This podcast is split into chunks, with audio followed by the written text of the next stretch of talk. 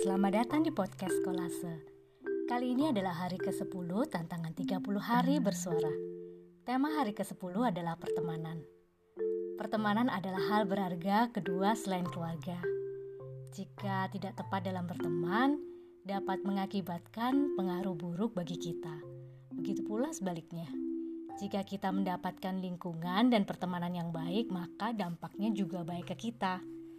Ada pepatah lama mengatakan bahwa tunjukkan padaku teman-teman terdekatmu dan kutunjukkan padamu masa depanmu.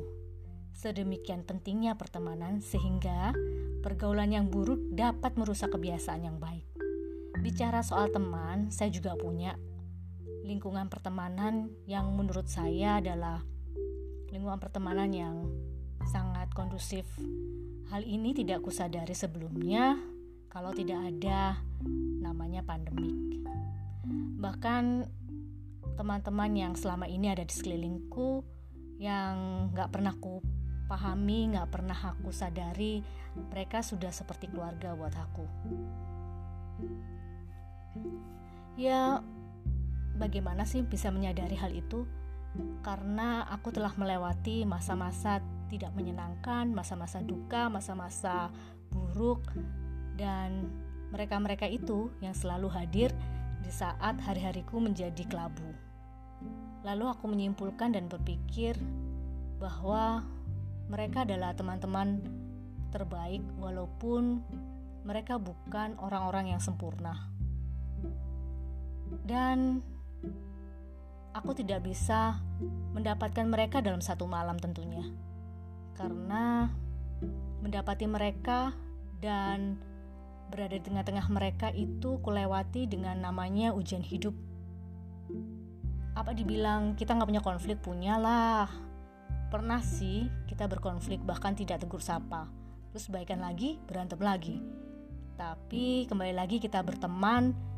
Akhirnya kita menyadari bahwa ada bagian-bagian yang kayaknya nggak usah deh kalau hal ini dibicarakan sama si A gitu ya.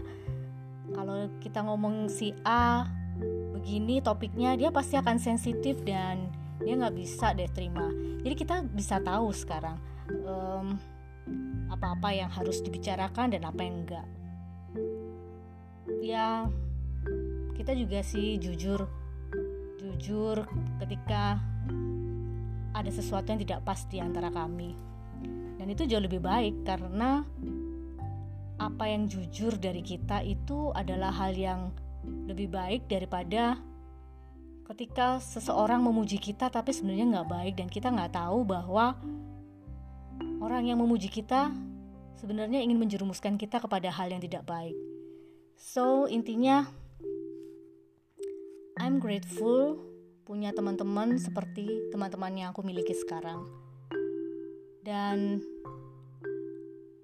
kami berkomitmen sih kalau kita akan menua bersama jadi nggak hanya pasangan aja, tapi teman-teman juga kita mau sehat bersama hingga tua nanti dan juga kita mau bisa bersama-sama di hari tua. Karena teman yang baik itu tidak mudah untuk didapatkan. Itulah cerita tentang pertemananku. Bagaimana dengan cerita pertemanan kalian?